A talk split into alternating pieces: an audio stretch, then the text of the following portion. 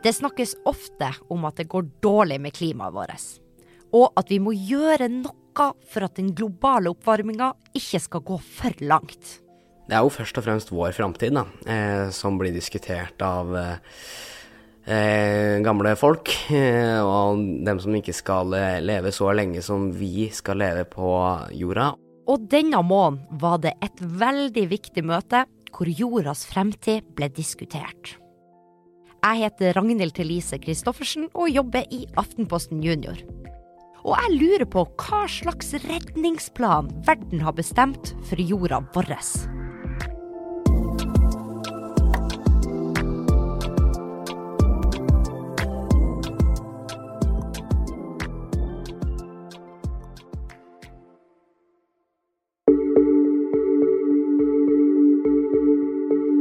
Årets klimatoppmøte var i Glasgow i Skottland. Og der var det faktisk 25 000 mennesker som var. Veldig mange av dem som var der, var journalister. Veldig mange var fra miljøorganisasjoner. Noen var fra bedriftsorganisasjoner, og mange var forskere. Ole Mattismoen, som du hører her, er klimajournalist i Aftenposten. Og han var en av mange journalister på møtet. Men de viktigste det er de som liksom er der på vegne av sitt land og skal forhandle. Alle land har sendt folk som skal diskutere og komme frem til hva verden skal gjøre fremover. Resten av folkene er der for å høre på, holde foredrag eller si hva de ønsker at vi skal gjøre. Dette er ikke første gangen et sånt her møte har skjedd. Man har snakket om klima i ca. 30 år. Det var da forskerne begynte å si at dette er i ferd med å bli et problem. Og da, for nesten 30 år siden, så ble verden enig om en avtale som heter Klimakonvensjonen, for å stoppe farlige klimaendringer. Men selv etter avtalen, som ble laga for så lenge siden, så har klimagassutslippene fortsatt å øke, og kloden har blitt varmere. Derfor er det viktig at alle de landene som skrev under den avtalen, møtes, og nå møtes de hvert år, for å finne ut hva er det vi kan gjøre for noe. Men så er det jo ei gruppe mennesker som dette møtet er ekstra viktig for. Nemlig for barn og unge som skal arve jordkloden. Og en av dem som syns det her er ekstra viktig, det er Ulrik på 13 år som var på møte i Glasgow.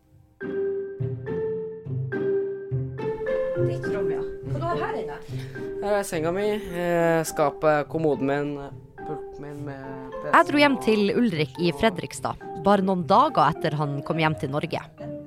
På rommet hans var det lite jordkloder og sånt, men det hang et bilde jeg syntes var ganske kult. Er det kongen? Jeg fikk sendt et brev til kongen. Jeg skulle jo egentlig ha møtt kongen eh, for et år tilbake.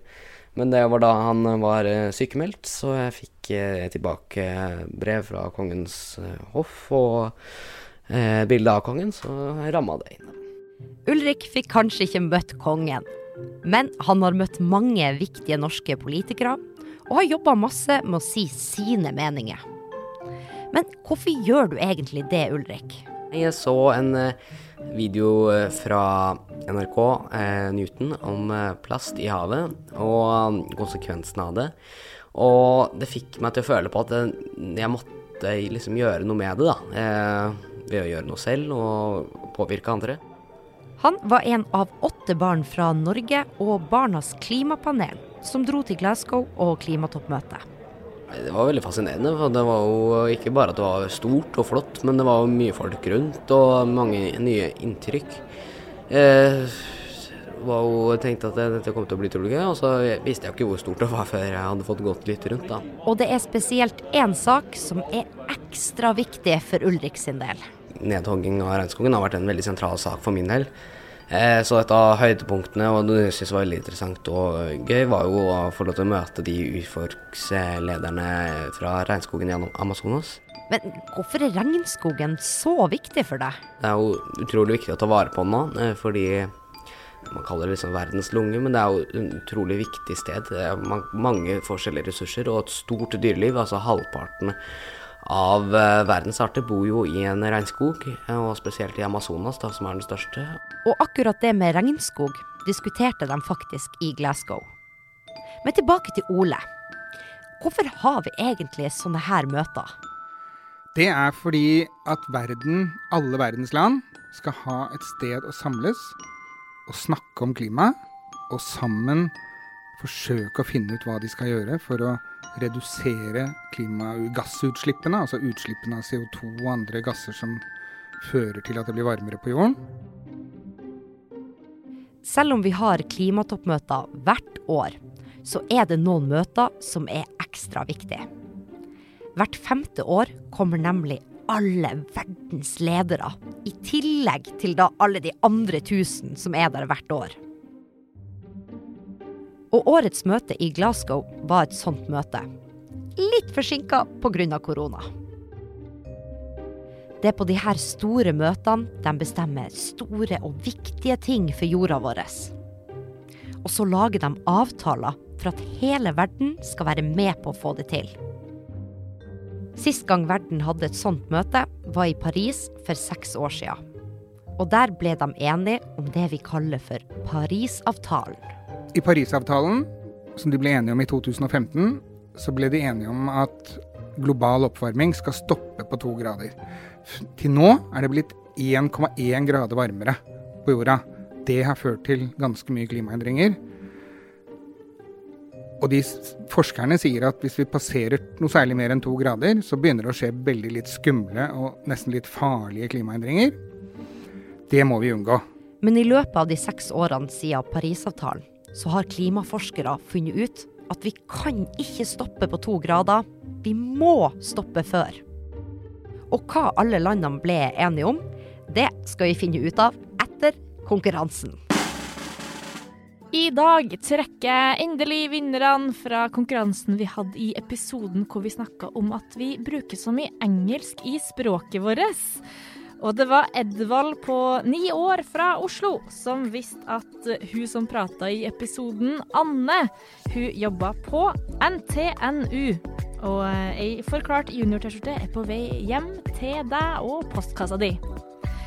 Og hvis du, eller kanskje hele klassen din, også har lyst til å vinne ei sånn ei, så må dere svare riktig på det her spørsmålet. Hvor mange mennesker var det sånn cirka på klimatoppmøtet i Glasgow? Svaret kan du, eller dere, sende inn til rtk.alfakrøllaftenposten.no, og da er dere også med i trekninga av denne T-skjorta.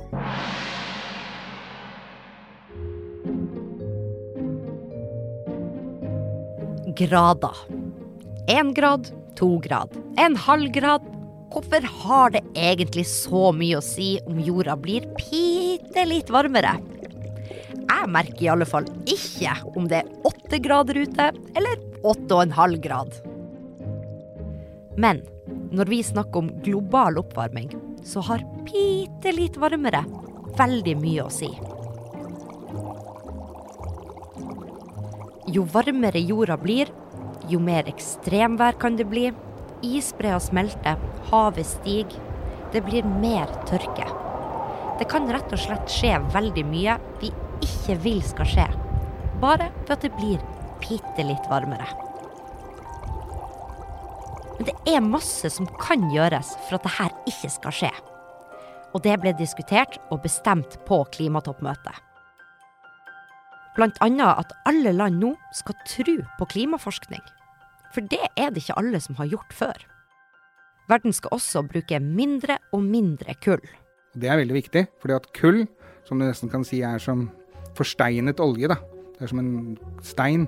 Å brenne det og få masse energi ut av det, det er den største kilden til CO2-utslipp. Altså det er derfra mest CO2 kommer i verden. Men hva er det aller, aller viktigste som ble bestemt, Ole? Jeg vil si at det aller viktigste er at det er enighet om at verden må stoppe denne globale oppvarmingen på 1,5 grader. Det er veldig viktig. Og så er det veldig viktig at verdens land har blitt enige om at man skal slutte å ødelegge regnskogen. Det er kjempeviktig. Og så har verdens land blitt enige om at de rike landene skal hjelpe de fattige landene mer med mer penger, sånn at de også kan både finne ut hvordan de skal overleve med de klimaendringene som de rammes av nå, og hvordan de kan kutte sine utslipp. Det er helt avgjørende, for det klarer ikke de alene. Er du fornøyd med det her, da? Det de ble enige om, Ulrik? Det er eh, noen steg i riktig retning, eh, det er det absolutt. Det viktigste for min del er at eh, de anerkjenner forskningen som er gjort om klima og miljø. At det er vitenskapen man stiller seg bak. At den forskningen f.eks. For klima og miljøpanel, eller FNs klimapanel gjør, er liksom det man følger etter. Det er alltid sånn etter sånne her klimatoppmøter at ikke alle blir fornøyd. Mange mener at det ikke blir gjort nok, eller at de ikke bestemmer store nok ting til å redde klimaet. Men da er det veldig viktig da, at verden en gang i året setter seg ned i en stor sal og snakker om problemet og er enige om at det er et problem, og hele tiden prøver å finne nye løsninger. Og det går liksom riktig vei. Dette møtet ble bedre enn det møtet som var i Madrid for to år siden. Det skulle vært i fjor òg, men da var det jo pandemi, så da ble det avlyst.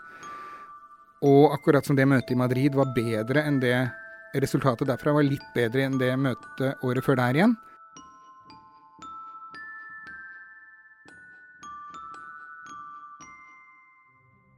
Neste år skal klimatoppmøtet holdes i Egypt. Og nå er verden altså i gang med å jobbe med det som ble bestemt på årets møte. Rett og slett jobben med å redde jorda vår. Og hva tror du, Ulrik? Er det noe håp for at det her skal gå bra?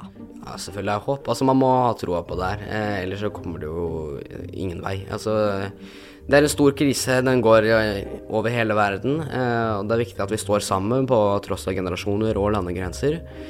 Eh, på å ha troa på at vi kan klare det, og komme med kreative løsninger på mange forskjellige ting. Og erstatninger på kull, CO2 og gass som fornybar energi, som solenergi, vindkraft, vannkraft og annen fornybar energi. Og jeg tenker at det er Det er håp. Det er det absolutt. Men det er, det er viktig å ha tro på det. Klimajournalist Ole er også heldigvis helt enig. Ja, selvsagt har vi håp, ellers hadde vi ikke drevet med dette her. Men vi er ikke i havn. Altså, det er ikke lovet nok tiltak, nok kutt, enda for at vi klarer å stoppe oppvarmingen på 1,5 grader, som de sa vi skal. Så det er masse jobb igjen. Men det går liksom riktig vei, da. Altså, det er ett skritt frem. Vi skulle ta ti skritt frem, nå gikk vi ett skritt frem. Men det kunne fort endt med to skritt tilbake, og det gjorde det ikke. Det er veldig bra.